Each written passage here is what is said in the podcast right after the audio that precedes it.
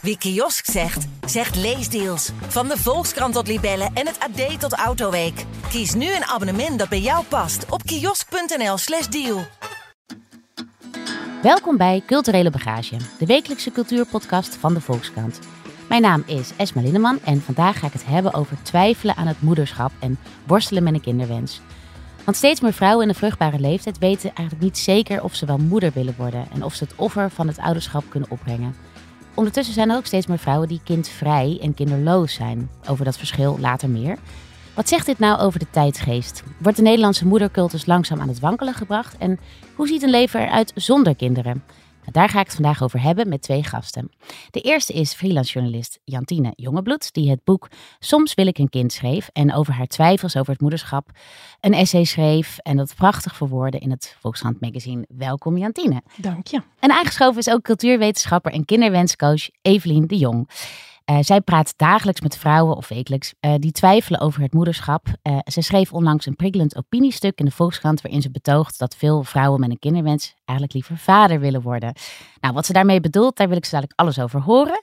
Welkom, Evelien. Dankjewel. Maar eerst Jantien, want nou ja, jij ehm, hebt onlangs je boek gepubliceerd. Soms wil ik een kind. Dat kwam vorige maand uit, denk ik. Ja, eind april. Ja. ja. nou, en in dat boek staat ook een, een afbeelding van een vriendinnenboekje of een vriendenboekje. Ja. Jij bent dan negen jaar. Nou, we leren dat jouw lievelingszangeres Laura Pausini is. en je lievelingsfilmster is ook Laura ja, Pausini. dat is gek hè? Ik denk dat ik, ik had volgens mij in die tijd alleen maar Nederland 1, 2 en 3. Ja. Ik denk dat ik een beetje... De, ook alleen maar Laura Pausini ja. 1, 2 en 3. Zoiets, ja. Ik had een beetje een schrale culturele begintijd van mijn leven. Ja. Je lievelingsdier is een kangoeroe. Hmm. En bij de vraag later word ik, puntje, puntje, vul jij in mama. Ja. Ja, volgens mij heb ik mijn vriendschapsboekje zelf drie keer ingevuld. Eén keer wist ik het niet. Eén keer wilde ik moeder worden. En één keer wilde ik danseres en kunstenares worden. Oh, interessant. En was het op een andere leeftijd of ja. een beetje rond dezelfde tijd? Nee, het was negen. Toen wist ik het niet. Op mijn tiende wilde ik moeder worden. En op mijn dertiende wilde ik allemaal andere dingen worden. Dus het is voor jou, was het eigenlijk al vroeg af aan een beetje een vraag voor jou? Of is er wel een moment geweest of een periode in je leven dat je er heel erg overtuigd van was? Ik ja, wel niet zeker zijn. wel. Ja. Nou, ik denk dat het, dat het in mijn kindertijd niet echt een vraag was waar ik me mee bezig hield. Het was gewoon een gegeven. Ja. Ik ging ervan uit dat eigenlijk elk meisje ooit vrouw en dus moeder zou worden. Um, ik denk dat het in mijn tienertijd en puberteit nee, was het ook niet echt een vraag. Ik denk dat ik pas na mijn dertigste eigenlijk ben gaan twijfelen over of er misschien ook voor mij een andere andere weg uh, goed zou kunnen zijn. En had je dan, toen je jonger was, nou ja, had je een idee over hoe dat moederschap zou zijn? Ja, ik weet nog dat ik op een gegeven moment in de brugklas, dus dan was ik een jaar of twaalf, moest ik een, een huiswerkopdracht maken over mijn leven tussen mijn twintigste en mijn dertigste.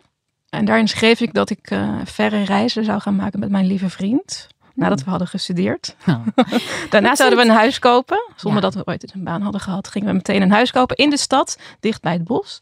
En daarna zouden we zelf twee kinderen krijgen en ook nog een kind adopteren. Ah, dus, dus ik had daar wel een soort romantisch plaatje bij. Ik weet dat ik op een of andere manier door, volgens mij heette zij Hanna, de bommoeder uit Jan Jans en de Kinderen. Daar was ik ah. heel erg door gefascineerd. Ik wilde haar worden. Oh. Best onhandig uitgangspunt, denk ik.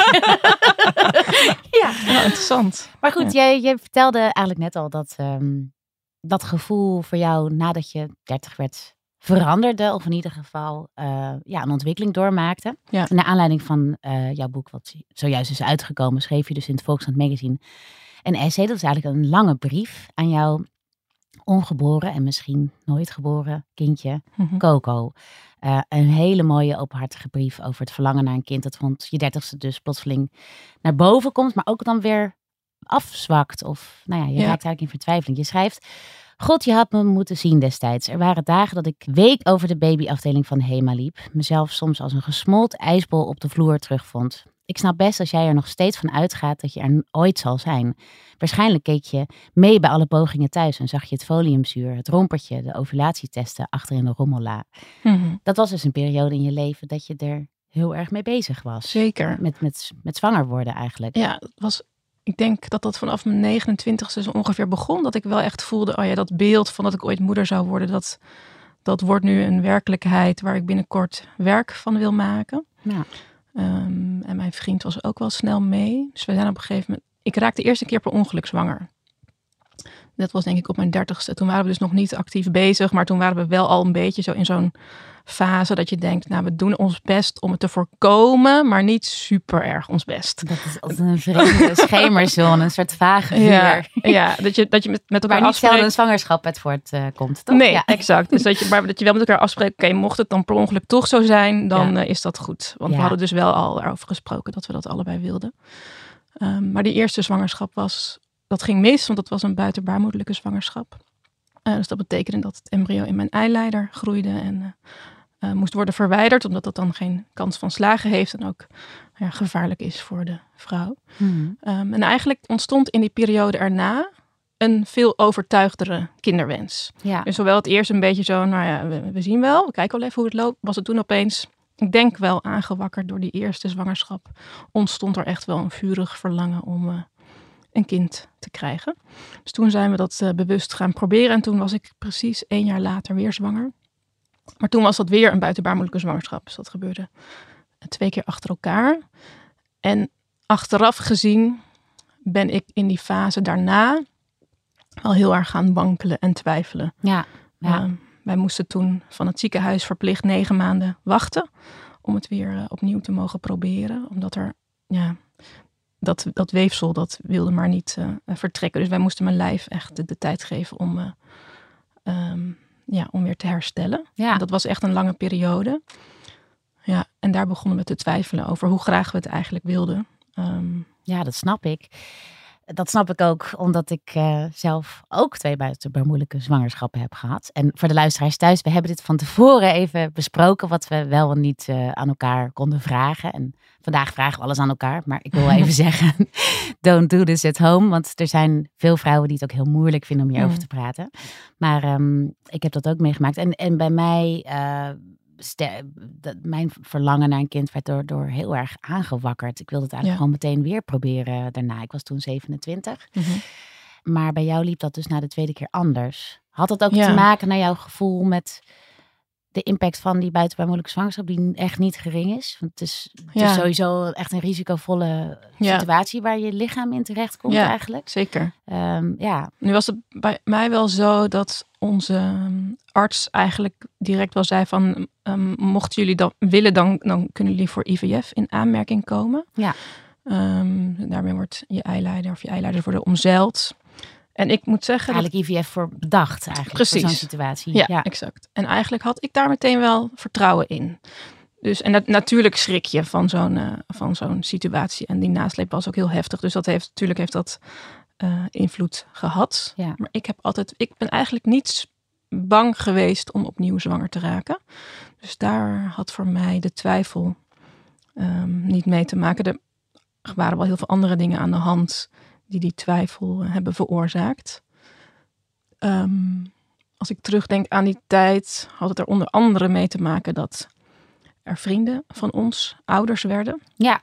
Voor het eerst. En ik had nog geen eh, vrienden die al eh, ouders waren in de tijd dat wij nog zelf ook bezig waren met zwanger worden.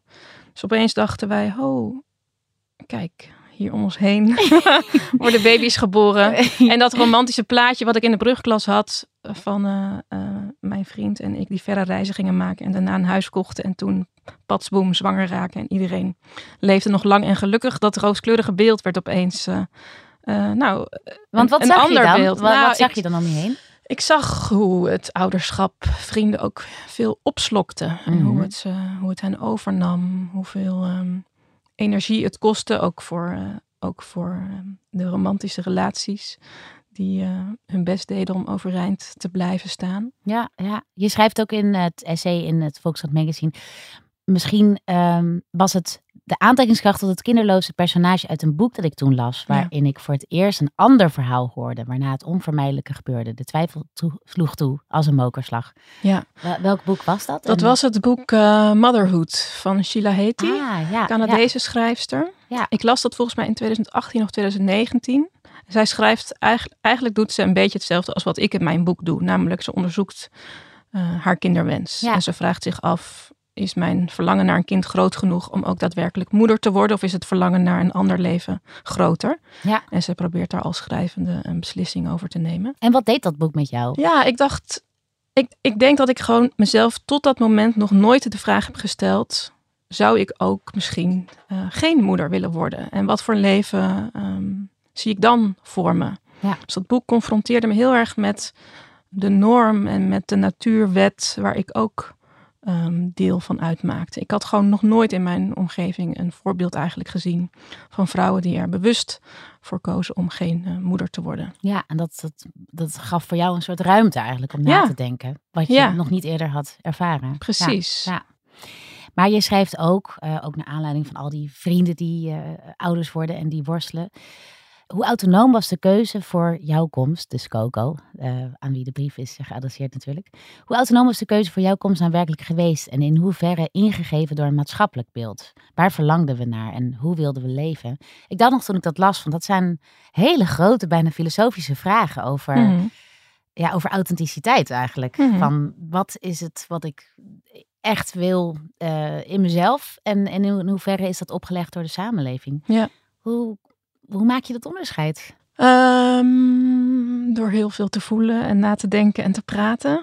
Te voor mij was schrijven daar een manier voor. Om uit te vinden welke gevoelens en gedachten leven in mij. En uh, wat, kopieer ik van wat, waar ik gewoon bekend mee ben geraakt. Ja, ik denk, denk wel moeilijk. Ja, ja, het is logisch dat als je in een bepaalde cultuur opgroeit, dat al die ideeën in je gaan nestelen en uh, van jou worden. Ja. Daar ontkom je denk ik niet aan. Nee, het lijkt me gewoon heel erg lastig, omdat we ook natuurlijk gewoon sociale dieren zijn. Dus we zijn, ja. het is een soort, nou ja, ingewikkeld menselijk proces om uit te vogelen wie je zelf bent, maar ook ten opzichte van die groep. Ja. En dat lijkt me voor dit onderwerp ook heel erg lastig. Ja, ja. dat klopt. En had je nog meer voorbeelden naast dus uh, de schrijfster over wie we het net hadden, Sheila, ja. van vrouwen die dus ja, bewust geen kinderen hadden gekregen. Dat noemen we dan volgens mij kindvrij. Of die kinderloos zijn gebleven. Ja, het boek wat ik daarna vrij snel ging lezen. Toen ik dus bedacht van oké, ik wil onderzoeken uh, wat van mij is en wat van de maatschappij. Toen ben ik snel dat boek van Lisbeth Smit gaan lezen. Ja. Uh, dat heet Echte vrouwen krijgen, krijgen een kind. Sorry. Ja. ja. um, waarin zij inderdaad heel veel verschillende vrouwen interviewt. Zowel vrouwen die bewust kinderloos zijn en vrouwen die vanwege allerlei omstandigheden geen kinderen hebben gekregen. Dus dat was mijn, eigenlijk mijn eerste kennismaking met het leven van vrouwen uh, zonder kinderen. Want die had ik eigenlijk dus in mijn directe omgeving niet. Dus ik denk dat als je geen, ja, geen rolmodellen in je omgeving hebt, dat je dan op zoek moet naar uh, mensen in de media. Die, rolmodellen uh, zijn heel belangrijk om je gedachten te vormen eigenlijk. Ja. Hè? Hey, en um, jouw boek en ook de kweesten, zeg maar, die jij onderzoekt. In hoeverre zie jij dit nou ook als een maatschappelijk fenomeen? Want je bent niet de enige die zich eigenlijk de laatste nee. jaar of jaren heeft uitgesproken over twijfels over moeder worden. Of uh, ja ja, of kindvrij willen blijven of zijn. Ja. Het is eigenlijk overal ter wereld, uh, zeker in de westerse wereld, een trend dat vrouwen in ieder geval later moeder worden, ja. minder kinderen krijgen en ook geen kinderen krijgen. Ja. Hoe, hoe verhouden jouw twijfels zich tot het maatschappelijke, denk jij? Ja, ik heb het laatst met mijn moeder gehad over hoe autonoom de keuze voor haar is geweest om moeder te worden. Ik ben in 87 geboren. Toen was mijn moeder volgens mij 27. En voor haar is dat nooit zo als voor mij een keuze geweest waar ze uh, heel lang over heeft gepraat en, uh, en nagedacht. Um, nu was het ook wel zo dat het in de tijd van mijn moeder nog heel gebruikelijk was om zodra je uh, zwanger was te stoppen met werken voor een paar jaar. Dus niet met verlof te gaan, maar echt voor meerdere jaren ja. thuisblijfmoeder te worden. Dat heeft mijn moeder ook gedaan. Ik denk dat het nog een uitzondering in die tijd was als je het anders deed.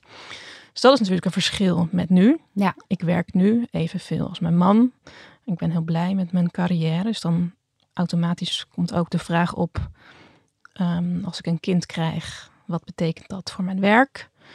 Um, en voor mijn professionele ontwikkeling. Er zijn ja. natuurlijk genoeg hele fijne, inspirerende voorbeelden van vrouwen die dat supergoed combineren. Ja. Ze moeten ook niet doen alsof dat uh, een soort uh, uh, vreselijke toestand is waar je dan in belandt.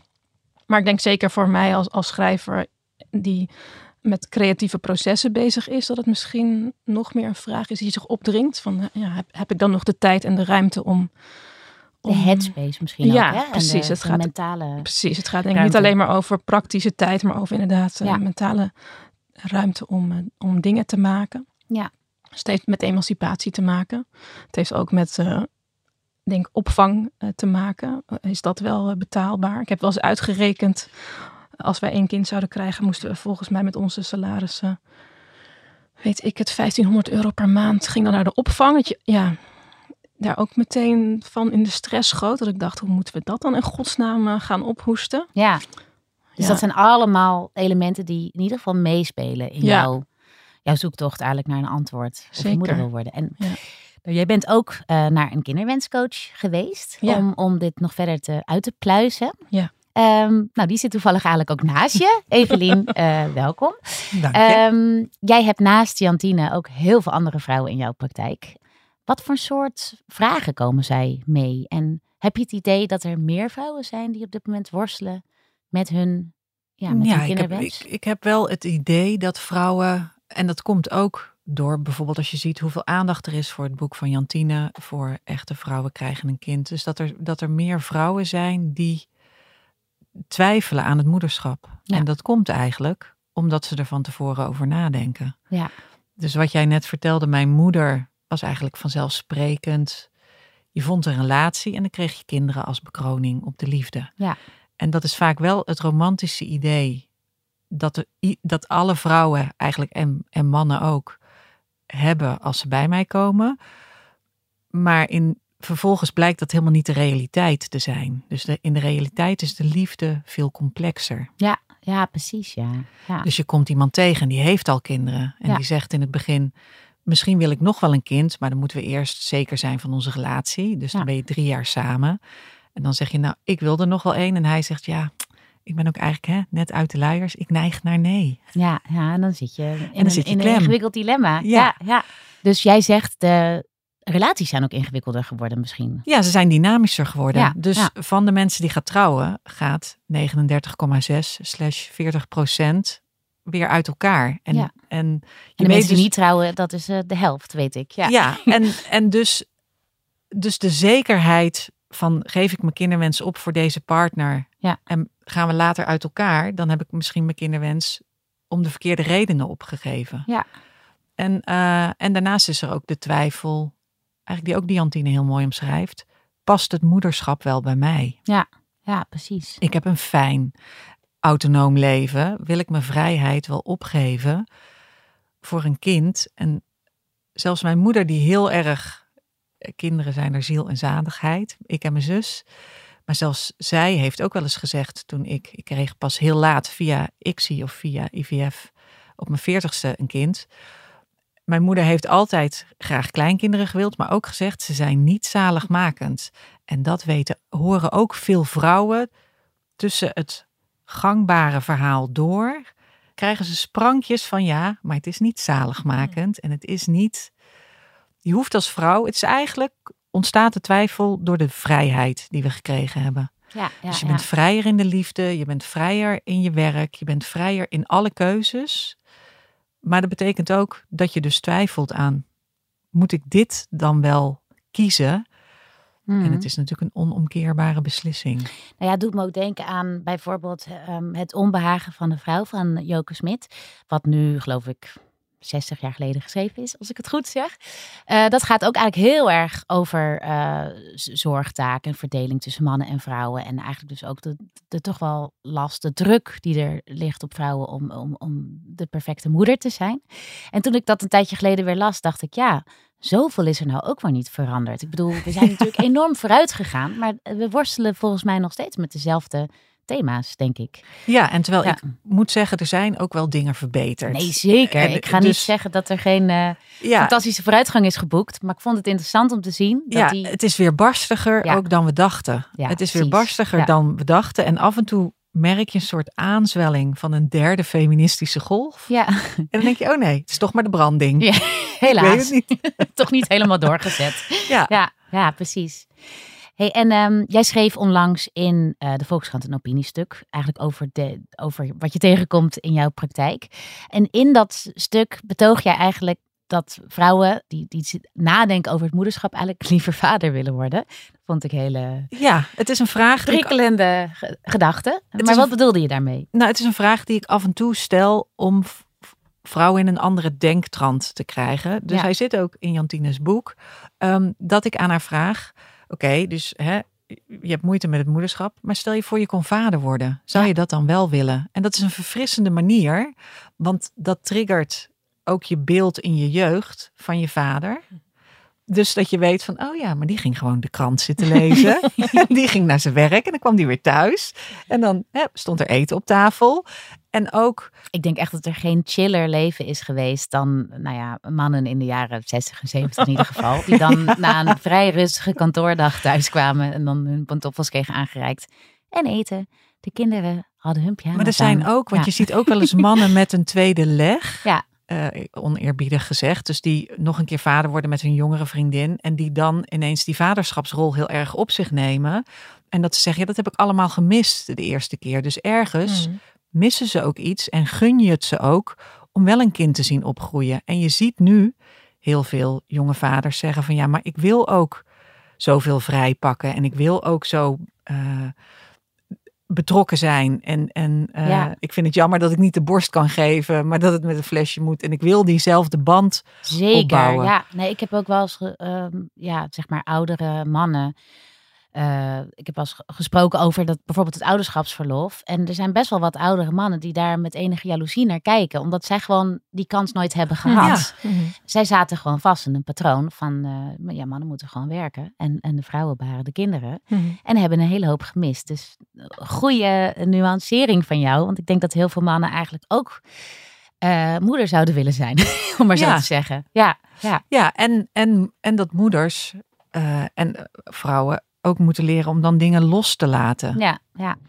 Jij hebt het uh, in datzelfde opiniestuk ook over spijtmoeders. Dat is ook iets wat, waar we nu vaker over horen. Dus vrouwen die moeder zijn geworden en eigenlijk spijt hebben van hun keuze. En je noemt dan ook het werk van uh, of Orna Donat. Um, hoe belangrijk ja, is het geweest dat, dat deze Orna Donat uh, een boek erover schreef en vrouwen interviewde? Want Hadden we daarvoor eigenlijk ooit gehoord van spijtmoeders of niet? Nee, en ik weet nog dat toen dat boek net uitkwam, uh, heb ik het gehaald uh, bij de Biep. En toen ging ik het lezen en ik heb echt alles onderstreept en overal, uh, sorry voor de mensen van de OBA, die, met potlood. met potlood uiteraard. Met potlood, maar dat ik dacht, oh, en dit is zo, zo wezenlijk en zo essentieel. Ja.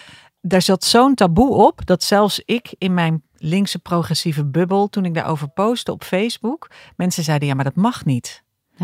En dat ik die mensen moest corrigeren, omdat ik zei: ik vraag helemaal niet of, ik, of het mag. Er wordt, ik doe de constatering, er is een heel boek, daar worden vrouwen geïnterviewd die echt bestaan en die hebben echt spijt van het moederschap. Dat is wat anders dan spijt hebben van je kind. Ja. Daarom vind ik de vraag: wil je vader worden ook een relevante vraag, want dan zie je waar dat verschil waar dat verschil in zit. Het is niet het kinderen, dat is niet een schattig nieuw jong wezentje of een kleuter of een mens, nee. maar het gaat om de taken Herken je dat, Jantine? Ja. Um... Ik vraag het ook omdat jouw, jouw brief aan Coco zo teder was. Dat ik, ik hoorde daar eigenlijk, ik las daar heel veel liefde in. Ja, zeker. Ja. Dat bestaat ook. En ik vind het, soms moet ik zelf een beetje, ik moet mezelf een beetje tot de orde roepen om als het over dit onderwerp gaat, alleen maar te praten over hoe zwaar het allemaal is en waar ik mhm. allemaal tegenop zie en welk beeld ik heb gezien van jonge ouders om me heen.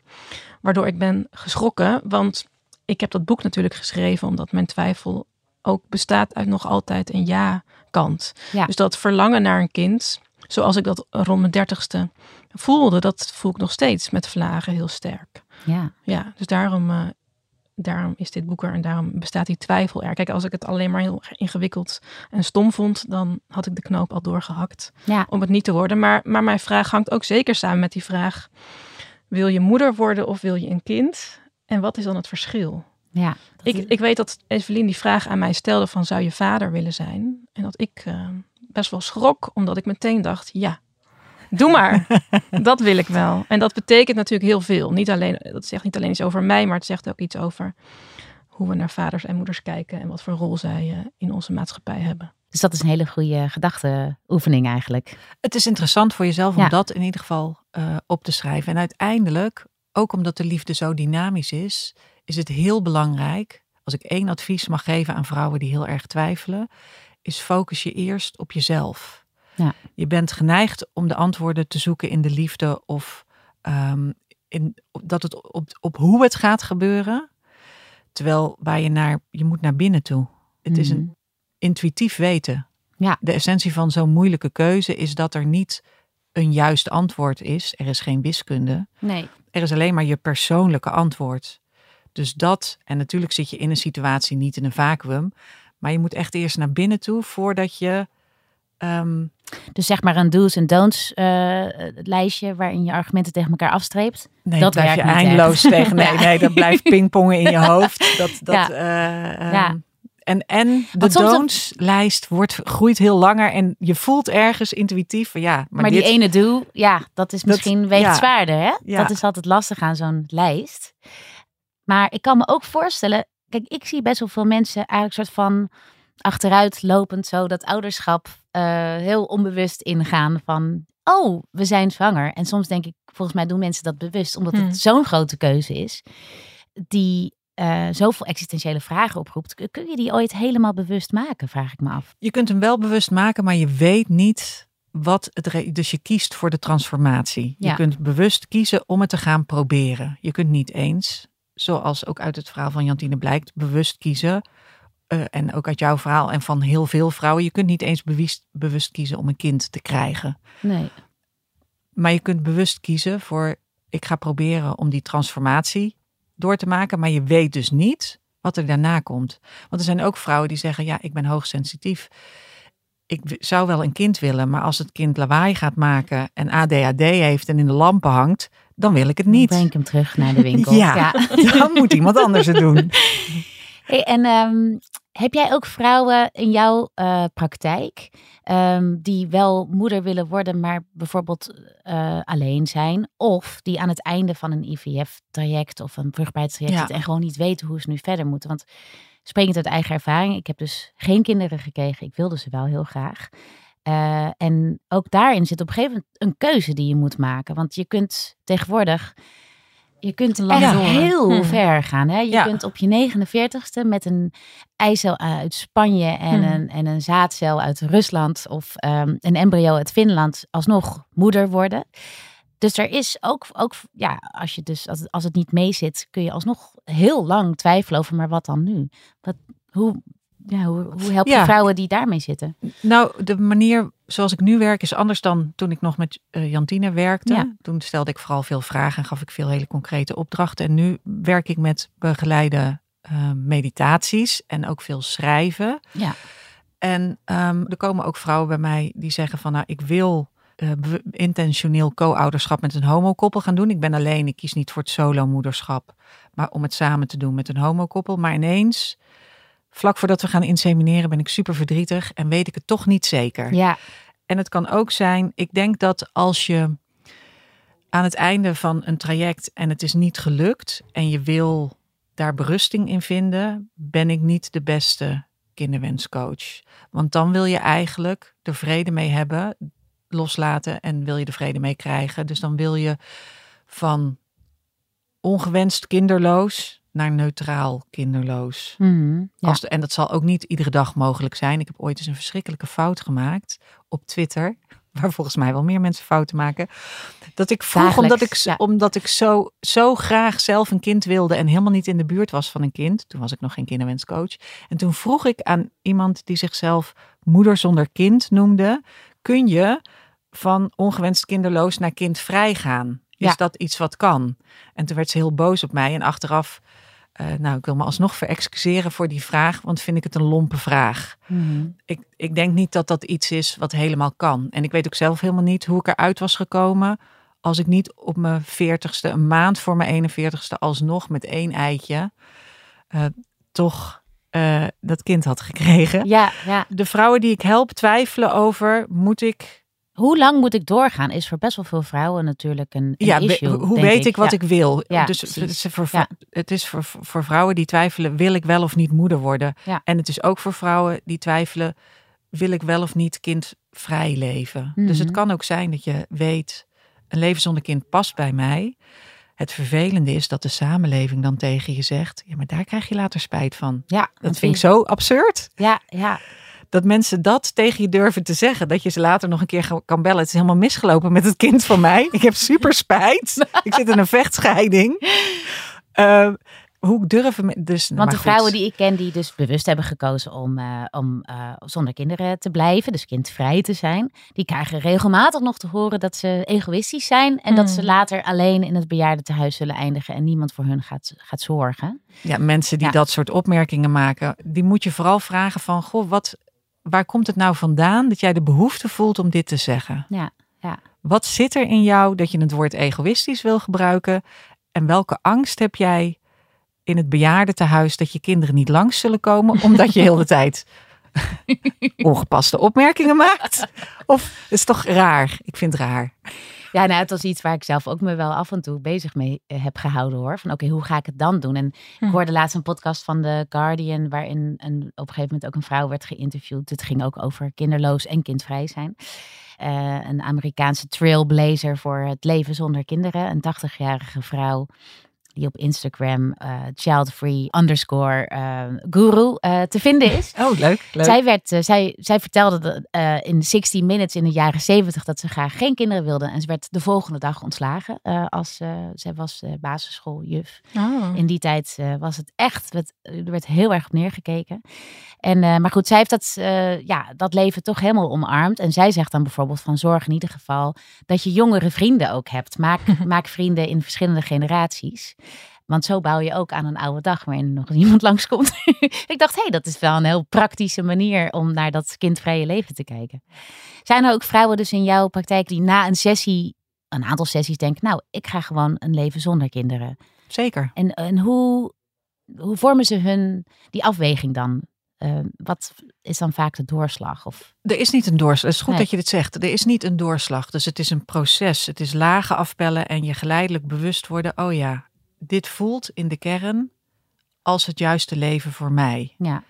Vaak laat ik ze ook een brief schrijven, bijvoorbeeld aan je toekomstige zelf of aan het kind dat helemaal niet geboren zal worden. Ehm, en daar is dan een soort berusting en dan kun je dat voorzichtig gaan delen. Wat je moet doen is je verlangen loskoppelen van het uiteindelijke besluit. Dus als je weet dat in de kern je verlangen is om te leven zonder kind, dan weet je dat. Maar als je dan daarnaast naast een man zit die heel graag kinderen wil en die bij je weggaat als je niet moeder wordt, dan zul je daar toch gesprekken over moeten hebben. Ja, en, daar ook, jij ook uh, handvatten voor. Ja, die en, je zult ook gesprekken moeten hebben met je ouders om te vertellen: hey, ik ben de laatste in de lijn. Het stopt hier. Dus die zeven fotoalbums, daar moeten we iets mee. Ja. Dat, er zijn hele praktische dingen. En, en Ehm, de beslissing, als je je verlangen helder hebt en je weet bijvoorbeeld ik wil leven zonder kind, dan is een van de beslissingen om daar met mensen over te praten.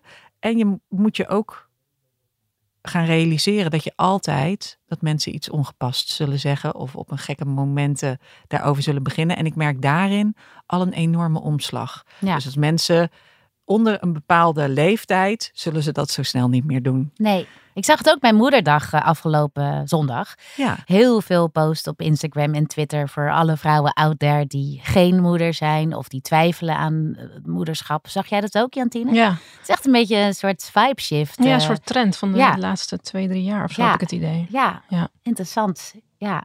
En, en heb jij, jij zit natuurlijk nog steeds midden in dit proces. Ik ga jou niet vragen van, en heb je al besloten wat je gaat doen? Gelukkig. Maar heb jij een beeld van hoe het leven zonder kinderen voor jou eruit zou kunnen zien? Ja, in mijn boek onderzoek ik ook de optie om uh, pleegouder te worden. Ik dacht altijd dat als je uh, geen moeder zou willen worden, dat pleegzorg dan al helemaal niet een optie voor je zou zijn. Terwijl tegenwoordig heb ik het idee dat je, je, hebt natuurlijk, je kan een kinderwens hebben en een zorgwens uh, wens of een zorgbehoefte. Um, dat zijn dingen die niet per se in het verlengde van elkaar hoeven te liggen. Nee. Um, ik weet dat er ook um, weekend- en deeltijdspleegzorg bestaat. Ja, dus dat zijn... echt, er bestaan vele vormen van pleegzorg die ja. het onderzoeken echt waard zijn. Ja, uh, precies. Ja. Um, Langdurig, en... kortdurig. Ik zeg maar even tegen de luisteraars thuis. Ja, ja, ja. ja. heel, heel, goed. Heel goed. Mag ik nog een mooi rolmodel? Ik moet ineens denken aan Cindy Hoedmer.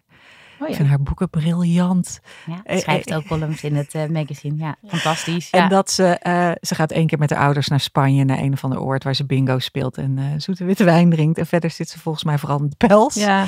Maar dat vind ik ook fantastisch. Dat is een goede aanvulling, want ik denk wat, wat vaak uh, de vraag is als je bewust geen kinderen krijgt, of misschien ook als je, als je ongewenst geen kinderen krijgt, dat er dan uh, de vraag komt van wat doe je dan? Wat ga je dan met doen? Je Hoe ga je knallen? Waar ga je carrière maken? Hè? Precies, wat voor een geweldig kunstenaar word je? Of welke, ja. welk wereldprobleem ga jij oplossen? Ja. Daar moet het natuurlijk ook een beetje van af. Dus eigenlijk geeft eigenlijk een pleidooi ook voor middelmatigheid. Ja, gewoon, van, ja, gewoon lekker rommelen. Een goede aanvulling. Dus oh, eigenlijk, eigenlijk zouden we genoegen moeten nemen met mijn antwoord. Nou, gewoon wat ik nu ook doe. Leuke dingen. Ja, ja. ja. En het beeld van welmoeder worden, heb je dat? Ja, als ik kijk, als ik daar een soort vanuit een romantisch ideaal over fantaseer, dan zie ik eh, allemaal gezellige picknicks voor me en, uh, en speurtochten en uh, verkleedpartijen. Ja. En waarschijnlijk is de realiteit dat die dan dat dat soort dingen bestaan en worden aangevuld met regen en schermen, Lego blokjes onder je voet. Precies. Ja.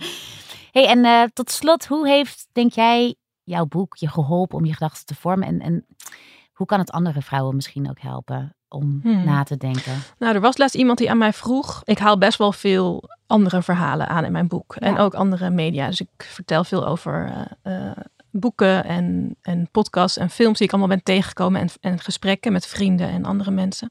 En iemand vroeg mij laatst, werd je niet helemaal horendol van al die, weet ik veel, tig andere verhalen uh, over mensen en hun um, kijk naar het moederschap. Wat ik me best wel voor kan stellen, want het is nogal veel. Maar voor mij hielp het heel erg om al die dingen en al die verhalen tot me te nemen en dan te voelen ehm, wat resoneert bij mij en wat, welk verhaal gaat over mij en welk verhaal uh, gaat over een ander. En voor mij was dat een manier om, ehm, nou eigenlijk waar we het gesprek misschien mee begonnen, om erachter te komen wat is van de maatschappij. En wat ben, uh, en wat ben ik? Ja. En voor mij hielp het heel erg om al die verhalen aan te horen en dan na te gaan. Uh, ja, dit is, dit is hoe ik erin sta. En ik denk dat dat uh, ook is hoe het boek anderen kan helpen. Nou, dank jullie wel voor jullie komst naar de studio. Dank je. Graag gedaan. Dit was Culturele Bagage. Montage en redactie worden gedaan door Team Haagman en eindredactie door Corine van Duin. En wil je de Volkskrant nou steunen? Ga dan voor een abonnement naar www.volkskrant.nl slash podcastactie.